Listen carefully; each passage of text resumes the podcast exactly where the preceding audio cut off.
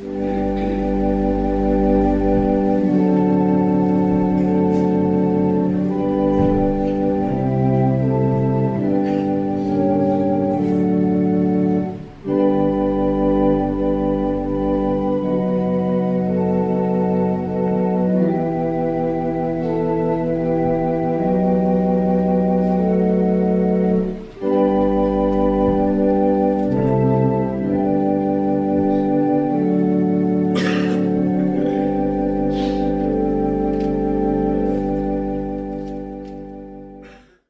gemeente, ek verwelkom u vanmôre in die lieflike naam van ons Here Jesus, die verlosser, die Here, die hoof van sy kerk. En ons wil by die geleentheid ook elke luisteraar wat ingeskakel is op die golflengte van RSG ook vanmôre by ons verwelkom. Mag die Here ons in hierdie oggend ontmoet en mag sy woord ons harte verkoop en regtig vul. Die Evangelies Gereformeerde Kerk van Suid-Afrika is hierdie jaar 75 jaar oud en ons dank die Here in besonder vir die groot genade wat hy die afgelope 75 jaar oor hierdie kerkgenootskap uitgestort het. As 'n mens sou vra, wie is die EG Kerk? Dan is ons 'n gereformeerde kerk met 'n baie sterk evangeliese inslag en daarby bedoel ons dat ons Jesus Christus en hom as gekruisigde verkondig.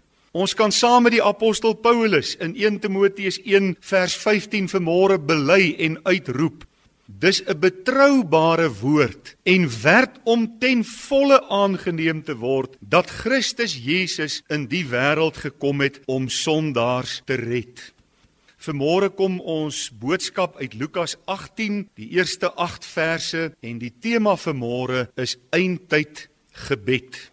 Kom ons word stil voor die Here en ons nader sy troon. Ons hulp is van die Here wat hemel en aarde geskaap het wat getrou bly tot in alle ewigheid en wat nooit laat vaar die werke van sy hande nie.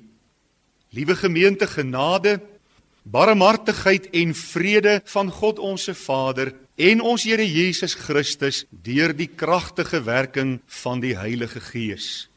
Amen. Ons gaan die Here loof in antwoord op sy seun groet. En ek noem aan u vanmôre lied 94 daarvan twee verse Ek wil sing van Jesus liefde van sy hart vol medelee.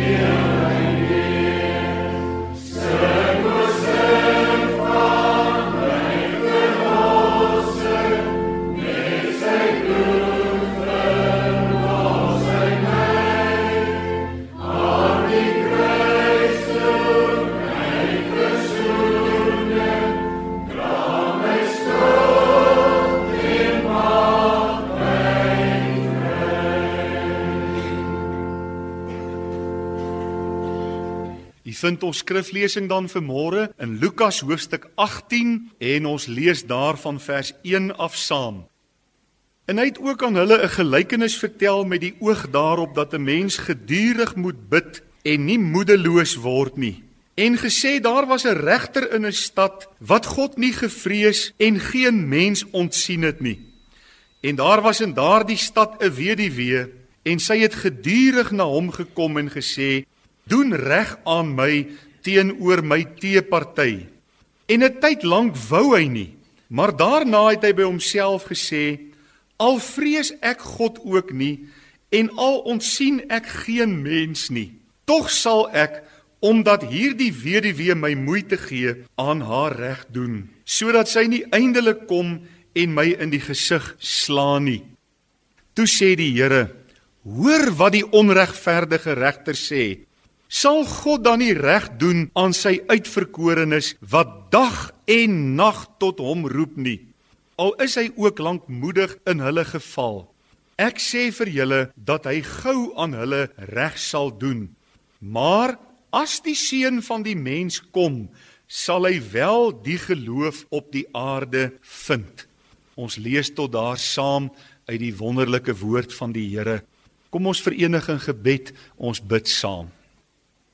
Ons dierbare Here, baie baie dankie dat ons vanmôre in U teenwoordigheid kan inkom op grond van U seun, ons Here Jesus se verdienste aan die kruis. Baie dankie vir u onuitspreeklike wonderlike liefde. 'n Liefde wat geen einde het nie. 'n Liefde wat onmeetlik is. 'n Liefde wat ons daagliks in ons lewens sien en ervaar. Want Here, u stort u liefde ryklik op ons uit en ons wil u daarvoor vanmôre kom dank. Dankie vir hierdie opstandingsdag. Dankie vir die wonder van u woord. Dankie dat ons as gemeente die voorreg het om in hierdie oggend saam te kom in u huis om te kom aanbid, om u woord te open en daaruit gevoed te word.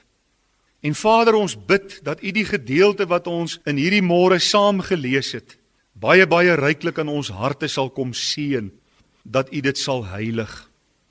Ons bid vir hulle wat bedroef is, die afgelope week by 'n oop graf gestaan het, sal u daar vertroosting skenk.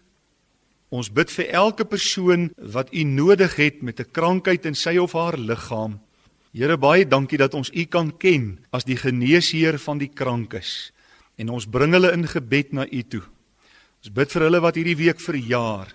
Seën hulle op die dag en as dit u wil is gee ook vir elkeen 'n wonderlike geseënde nuwe lewensjaar in hulle lewens. En nou bid ons Here dat u woord ons harte sal vul, ons gemoedere, ons lewens sal vul en dat u vermore 'n gehoorsaamheid sal vind aan die wonderlike woord wat u vir ons gegee het. Dit vra ons in die wondernaam van ons Here Jesus Christus met danksegging. Amen. Ek wil graag vers 8 aan u voorhou as teks van oordeenking. Ek sê vir julle dat hy gou aan hulle reg sal doen. En dan hierdie woorde: Maar as die seun van die mens kom, sal hy wel die geloof op die aarde vind. En die tema vir môre uit die woord van die Here is eindtyd gebed. Hoe moet ons gebedslewe in die eindtyd lyk? Nou as 'n mens hierdie gedeelte in Lukas bestudeer, En jy kyk na die gedeelte voor dit en dan in besonder die vers wat Jesus die gedeelte mee afsluit as die seun van die mens kom, dan sien 'n mens daar in Lukas 17 die voorafgaande gedeelte van vers 20 tot 37 dat Jesus praat oor die skielike koms van sy koninkryk. Ander woorde oor sy wederkoms. Hy sê in die eerste plek daar sal baie valse gerugte aangaande hom versprei word en aangaande sy wederkoms. En hy sê moet dit nie glo nie. Moenie sommer enige gerug wat mense oor sy wederkoms kwyt raak glo nie. Hy sê dit sal so onmiskenbaar duidelik wees soos wat die weerlig uitslaan in die lug wanneer daar 'n storm is. So duidelik sal dit wees wanneer die seun van die mens weer op wolke kom. Dan vertel die Here Jesus hoe hy na die aarde toe gekom het met sy eerste koms, hoe hulle hom eers verwerp en gekruisig het en hoe dit sal wees by sy wederkoms. Hy gebruik twee voorbeelde. Hy sê dit sal wees soos in die dae van Noag. En as 'n mens mooi gaan kyk na die gedeelte, dan sien jy die Here Jesus sê Wanneer hy weer kom, gaan mense besig wees om hulle lewens te leef. Hulle gaan eet, hulle gaan drink, hulle gaan trou, koop en verkoop. Hulle gaan maar net besig wees met hulle daaglikse lewens. Hy sê dit sal ook wees soos in die dae van Lot. Mense sal voortgaan met hul eie besigheid. Hulle sal hulle nie steur aan God se waarskuwings nie. En as 'n mens nou mooi kyk na die tyd waarin ons lewe, dan kom jy onder die geweldige indruk sonder om te probeer voorspel, sonder om te probeer sê ja, die Here gaan hierdie week kom of hy gaan volgende week kom of hierdie jaar of volgende jaar. Maar dan kom 'n mens onder die indruk dat die mensdom is met hulle eie ding besig en die Here Jesus is iewers op die agtergrond. Maar dan kom ons by hierdie geweldige belangrike woorde van die Here Jesus. As die seun van die mens kom en hy gaan kom en dit kan eersdaags wees. En as die seun van die mens kom, sal hy wel die geloof op die aarde vind. En onmiddellik vra mens jouself die vraag: watter geloof praat hy van? Wat se geloof wil hy vind wanneer hy weer kom? En dit is waaroor ver oggend se boodskap dan gaan.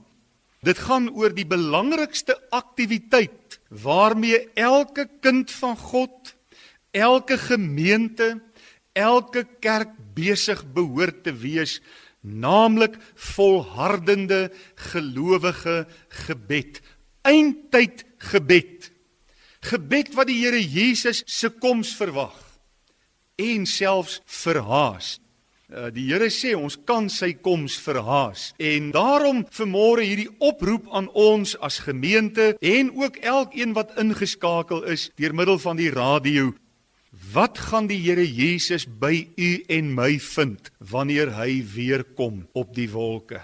Eindtyd gebed. Hoe sal ons bid in die laaste dae? En daar is in hierdie oggend dan drie gedagtes wat ek graag met u wil deel aangaande hierdie tema eindtyd gebed. Gebed in die laaste dae. En die eerste wat ons dan sien in die eerste vers is ons moet bid sonder om moedeloos te word. Kyk na vers 1. En hy het ook aan hulle 'n gelykenis vertel met die oog daarop dat 'n mens gedurig moet bid en nie moedeloos word nie. Dis baie duidelik dat die Here Jesus in terme van die eindtyd, wanneer hy weer kom, een van twee moontlikhede identifiseer. Die eerste is mense gaan volhardend bid. Mense gaan gedurig bid. Hulle gaan biddend afhanklik sy koms verwag. Of mense gaan moedeloos wees. En die mense ter sprake kan kinders van God wees. Moedeloos om jou motivering te verloor om aan te gaan met 'n aktiwiteit waarmee jy besig is. Dis die bedoeling van die oorspronklike taal hier. En hoe maklik kan 'n kind van God in die tyd waarin u en ek lewe, ons motivering verloor om te bid. Ons motivering verloor om die troon van die Here vas te gryp as die beste uitkoms. As die beste oplossing vir wat ook al vandag die probleme mag wees. Dit kan ook beteken hierdie woord moedeloos om jou entoesiasme te verloor. En u weet natuurlik die woord entoesiasme kom van twee Griekse woorde en theos wat beteken in God. En beteken in theos is God. Entoesiasties beteken om in God te wees. En 'n mens kan dit verloor en dan kan jy moedeloos raak. Jy kan in plek van na hom te kyk in geloof en in vurige gebed kan 'n mens na omstandighede rondom ons kyk. En 'n mens kan dreigemente hoor en 'n mens kan al die negatiwiteit raak sien wat daagliks rondom ons afspeel en dit kan baie baie maklik jou hart vervul met moedeloosheid. En weet jy, moedeloosheid lei altyd tot biddeloosheid. So dit is so 'n belangrike oproep van die Here Jesus in die eerste plek dat ons moet bid. aanhoudend moet bid, vurig moet bid, gedurig moet bid sonder om moedeloos te word. Dat ons as disippels, as volgelinge van Jesus, end uit gemotiveerd sal wees met die wete ons God leef. Ons God is onveranderlik. Hy is dieselfde vandag, gister tot in ewigheid, tot by sy wederkoms. Ja dat ons nooit ons entoesiasme in die Here sal verloor nie en volhardend gemotiveerd in gebed met hom sal verkeer. Geliefdes, hoekom is dit so dat mense juis in die eindtyd in hierdie laaste dae hulle motivering verloor en moedeloos word? Gee die woord van die Here nie vir ons 'n duidelike antwoord hierop nie? As ons byvoorbeeld kyk na Matteus 24 vers 12, dan staan daar uitdruklik omdat die ongeregtigheid sal vermeerder, sal die liefde van die meeste verkoel. En hoe sien ons nie dat ongeregtigheid vermeerder op elke gebied van die lewe? Dis aan die toeneem en daarom sien ons ook dat kinders van die Here se liefde vir die Here verkoel. Dis so hartseer. Dis so onnodig. Die oproep kom vanmôre uit die mond, uit die hart van ons wonderlike Here Jesus, my kinders. Ek vertel aan julle vanoggend hierdie gelykenis. Dit kom uit my woord na julle dat julle nie moedeloos sal word nie, maar dat julle sal aanhou om gemotiveerd, entoesiasties, gedurig deur te bid. Die woord gee ook in 2 Timoteus 3 vers 1 vir ons 'n baie duidelike rede hoekom kinders van God vandag moedeloos word. Daar sê Paulus vir Timoteus dat daar in die laaste dae en dan gebruik hy hierdie woorde baie swaar tye sal kom. En hy laat ons nie in die duister nie. Hy sê vir ons, hoe sal hierdie swaar tye lyk? Hy sê mense sal liefhebbers word van hulle self. Hy sê mense sal geldgierig wees. Ons hoef nie eers hieroor te praat nie. Ons sien dit, ons beleef dit, die materialisme. Mense sal ondankbaar, onheilig, roekeloos wees. Meer liefhebbers van genot as liefhebbers van God. En is dit nie so dat die genotplekke in ons land en in die wêreld is oorlopensvol terwyl die kerke leeg is? terwyl eredienste gestaak word, deure gesluit word, kerkgeboue verkoop word. Wat 'n tragiese toestand. En die Here Jesus sê juis in hierdie tyd, in hierdie baie baie moeilike tyd, moet ons ons daarop toespits om nie moedeloos te word nie. Nie ons motivering te verloor om te bid nie, entoesiasties te bly in die Here en God aan te hou soek in gebed. Weet jy geliefdes, as daar iets is wat in ons dag moet herleef, dan is dit gebed. En weet jy wat, dis ons verantwoordelikheid. Dis 'n herlewing wat in ons harte moet plaasvind. Ons moet die Here vra vir genade om ons op daardie ou plekkie te bring waar ons sal sê Here of dit nou individuele gebed in my binnekamer is en of dit gesamentlike gebed by die bidure is maar wil U nie in my hart werk dat gebed by my sal herleef en dat ek U sal soek in hierdie tyd?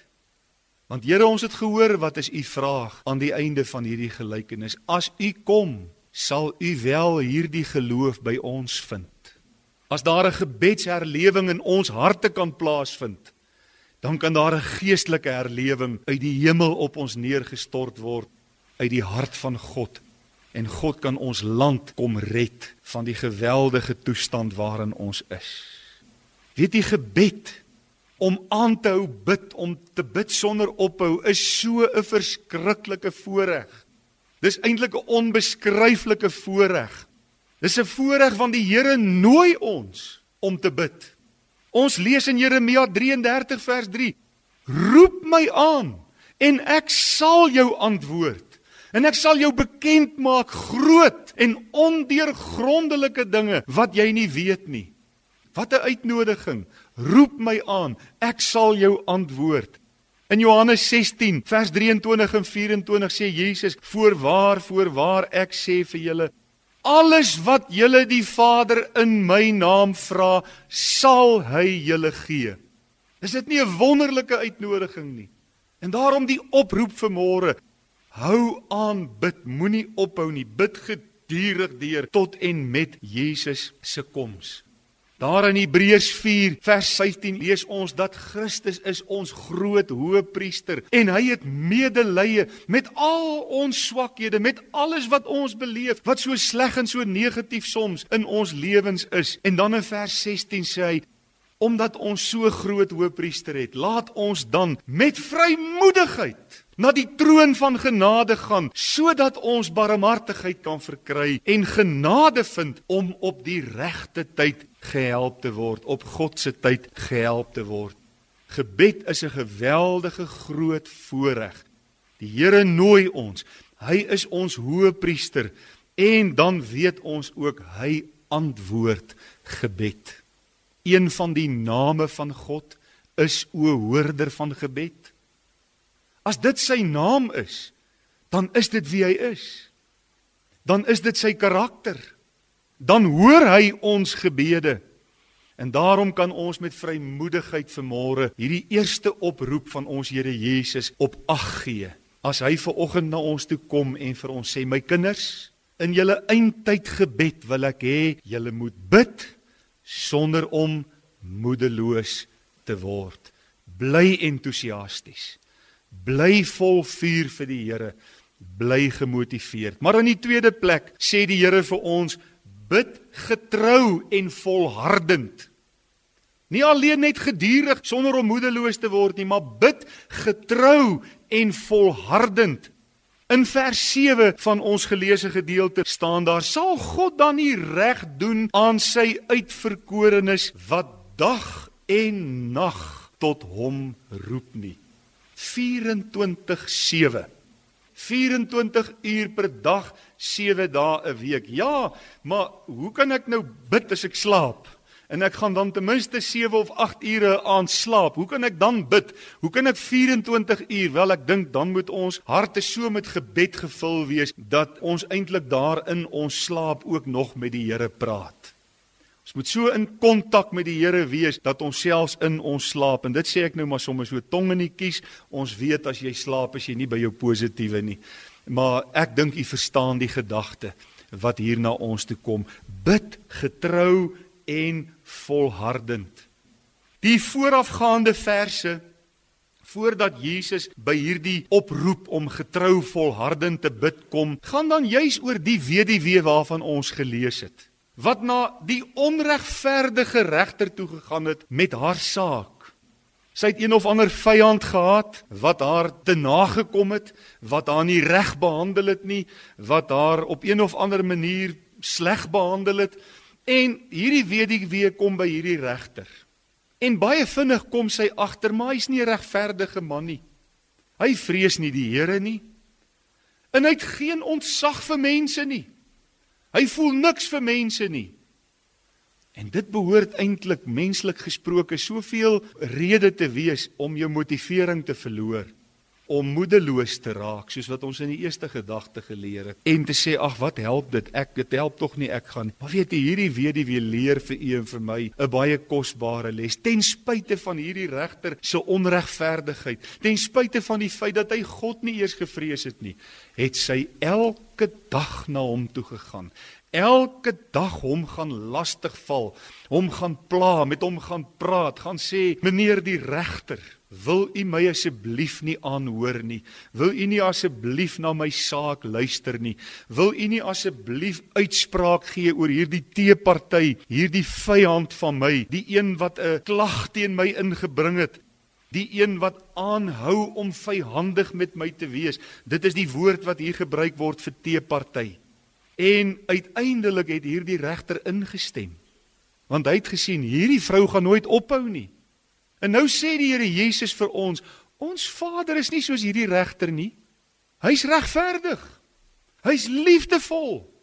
Hy's die getroue God. Sy liefdevolle goedheid is elke môre vir ons daar en dis elke môre nuut. Hoeveel te meer kan ons nie getrou en volhardend met hom praat nie. En nou weet u en ek dat ons het ook 'n teestander. In 1 Petrus 5 vers 7 en 8 sê: "Werp al julle bekommernis op hom, want hy sorg vir julle." En dan sê hy: "Wees nugter en waaksaam," en dis gebed. Wees nugter en waaksaam, want julle teestander, die duiwel, loop rond soos 'n brullende leeu en hy soek wie hy kan verslind. Nou dis baie baie interessant. As Jesus sê werp al julle bekommernis op hom, daardie Griekse werkwoord werp beteken werp eens en vir altyd volkome al jou bekommernis op hom. Want hy sorg, dis die tweede werkwoord. En dit beteken hy sorg aanhoudend sonder ophou vir julle. Pragtige oproep uit die hart van die apostel Petrus. En dan wees nugter en waaksaam, aanhoudend. Moenie 'n oomblik verslap nie. Kyk rond, wees nugter, wees waaksaam. Bid getrou, bid volhardend tot die Here, want ons het ook 'n teestander. En weet jy vriende, daar is daar mense wat nie meer in hom glo nie. Kyk maar net rondom jou hoe verwoes hy lewens. Kyk maar net, oud en jonk word verwoes deur sy werking. Hy wil mense verslind. Hy's 'n mensemoordenaar van die begin af. As 'n mens net hier in ons pragtige land kyk, hoe Satan probeer om ons mense te verslind. Hoe hy haat en bitterheid en woede en geweld elke dag saai in ons pragtige land met sy pragtige mense, dan is dit verbuisterend. En nou kom die Here Jesus en hy gee vir ons die oplossing. Gebed. Ja, gebed is nie die vyfde wiel aan die wa nie. Gebed is nie wat ons probeer as niks anders werk nie. Gebed is die beste oplossing. Getroue, volhardende gebed. Die Here sê vir ons as sy kinders in Jesaja 41 vers 9 tot 11 Jy wat ek gegryp het van die eindes van die aarde en van sy uithoeke geroep het, het ek aan jou gesê, jy is my knegg, ek het jou uitverkies en jou nie verwerp nie. Wees nie bevrees nie, want ek is jou God. Nou ja, hier praat die Here met sy volk, maar hy praat ook met ons in die Nuwe Testament as sy kinders, as sy gemeente, as sy kerk. Wees nie bevrees nie, want ek is met jou. Kyk nie angstig rond nie want ek is jou God. Ook versterk ek jou, ook help ek jou, ook ondersteun ek jou met my reddende regterhand.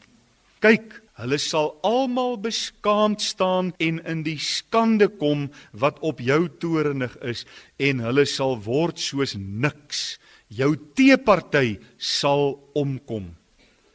Net soos hierdie weduwee In terme van haar teeparty die regter aanhoudend volhardend getrou gaan spreek het gaan plaat wil ek amper sê so kom God vanmôre deur sy seun Jesus en hy roep ons om getrou volhardend te bid in hierdie tyd die laaste gedagte bid totdat hy weer kom bid totdat hy weer kom en veral as hy kom mag hy ons bidend vind en nie biddeloos nie.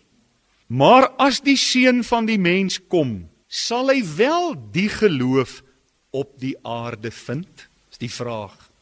Jy weet hoe die Here Jesus hierdie gelykenis vertel het. Vers 1 met die oog daarop dat ons gedurig moet bid en nie moedeloos word nie. Dat ons getrou moet bid en volhardend moet bid. Het hy deur die loop van die eeue vorentoe gekyk en hy daardie oomblik in sy geestesoog gesien wanneer hy op die wolke kom En die vraag het in sy hart opgekom: Hoe gaan ek my kinders aantref as ek weer kom? Waarmee gaan my kinders besig wees? Dit gaan nie hier oor die wêreld nie, hulle wat God nie ken nie. Dit gaan oor die gemeente. Dit gaan oor die kerk. Dit gaan oor die kind van God. As die Here Jesus, jy sien dit is die saak, as die Here Jesus nou in hierdie oomblik weer terugkom dan is die vraag in sy hart, nie in my hart nie. Dan is die vraag in sy hart, sal hy die geloof in ons midde vind? Sal hy ons met ander woorde biddend aantref? Gaan hy ons miskien moedeloos op 'n hoop kry? biddeloos. Waar ons iewers langs die pad moed opgegee het en gesê het: "Ag, dit lyk nie vir ons dit help nie. Ons weet nie wat moet ons doen nie." En self probeer ons planne maak en self probeer ons uitkoms vind vir die omstandighede. Die pragtige kind van die Here Jessie Penloos het oor die herlewing in Wallis in 1904 The Welsh Revival het sy geskryf. En in een van die hoofstukke noem sy kinders van die Here wat in aanloop tot die herlewing in Wallis in 1904 gebid het. Sy sê kom ons kyk of ons die spore van gebed kan kry in aanloop tot die herlewing. En dan vertel sy hierdie pragtige getuienisse wat opgeteken is. Daar in 1901 was daar 'n predikant wat so 'n wonderlike openbaring van God gehad het, amper soos Jesaja in Jesaja 6, waar God in sy heerlikheid in 'n visioen aan Jesaja verskyn het. Het hierdie predikant ook so 'n ervaring van die Here gehad van sy heerlikheid dat dit hom gedwing het om op 'n punt in sy lewe te kom waar hy onophoudelik begin bid het vir herlewing. En hy het dit gedoen in bewondering vir God se heerlikheid en God se grootheid wat hy net opnuut van bewus geraak het. Daar word geskryf op die walle van die uh, Walliese rivier 'n persoon wat 'n las op sy skouers gehad het, hoe hy begin het om tyd in gebed te spandeer vir sy land, vir die toestand waarin Wallis op daardie stadium verkeer het. Weer vind ons in die westelike dele van Wallis drie vroue. Vroue wat bymekaar gekom het en wat gesê het ons het 'n geweldige las vir ons land en hulle het begin om daagliks en in die aande tot in die nagte soms saam te kom en hulle het na die Here geroep. Daar in die Ronda Vallei waar die Heilige Gees kragtig gewerk het in 1904 toe die herlewing in Wallis uitgebreek het. Hoor 'n mens daar van twee bejaarde dames wat weer eens na die Here geroep het. In 'n bepaalde gemeente was daar 'n groep jong mense tussen die ouderdom van 16 en 18. Aanvanklik was dit net 4 van hulle. Die res het hulle eers uitgelag en gesê: "Waarmee is julle besig?" Kom vanaand liewer en kom drink saam met ons. Dis baie lekkerder. En hulle het aangehou en die groep het gegroei. En die geskiedenis vertel vir ons dat in antwoord op hierdie gebede in 1904 het God Wallis ontmoet in 'n kragtige Godgewerkte Heilige Gees herlewing. Die kerk het opnuut oorgeloop. Sondaars het tot bekering gekom en by Jesus uitgekom en niemand kon dit verklaar nie. Dit was antwoord op gebed. Die vraag moet vermôre in ons harte refrein. Die vraag uit Jesus se hart. As die seun van die mens kom, as hy vandag kom, sal hy wel die geloof in ons midde vind. Dis so 'n belangrike vraag. Dis 'n vraag wat ons bidure moet volmaak. Dis 'n vraag wat ons persoonlike gebedsruimtes moet vul Nie alleen moet ons formele amptelike tye van gebed hê nie, maar daar in ons motors, op die pad, in die kantoor, in die hospitaal waar u as 'n verpleegster of 'n dokter of wat ook al werk, waar ons is, laat ons bid. Laat ons bid sonder om moedeloos te word. Laat ons getrou en volhardend bid. Laat ons bid totdat Jesus weer kom. Amen. Kom ons dank die Here. Hemelse Vader, ons dank U vir môre vir U groot en troue liefde. Dankie dat U soveel vir ons omgee. En dankie in besonder dat ons vir môre uit U woord kan leer. U wil graag hê ons moet met U praat. U wil hê ons moet tyd in gebed met U spandeer. Of dit nou eendragtige gesamentlike gebed by ons bidure is en of dit is dat ek daar in my binnekamer tyd met u in gebed spandeer. U roep ons in hierdie eindtyd tot een ding en dit is volhardende gebed. Here, u is ons in staatstelling. U is die een wat dit vir ons moontlik maak. En dankie dat ons vanmôre kan weet u is die lewende God. En as ons met U praat, dan hoor U en U luister en U verhoor. Ons dank U daarvoor in die wondernaam van Jesus. Amen. Kom ons sing ten slotte Evangelielied 76. Daarvan sing ons twee verse. Kom ons sing dit heerlik saam.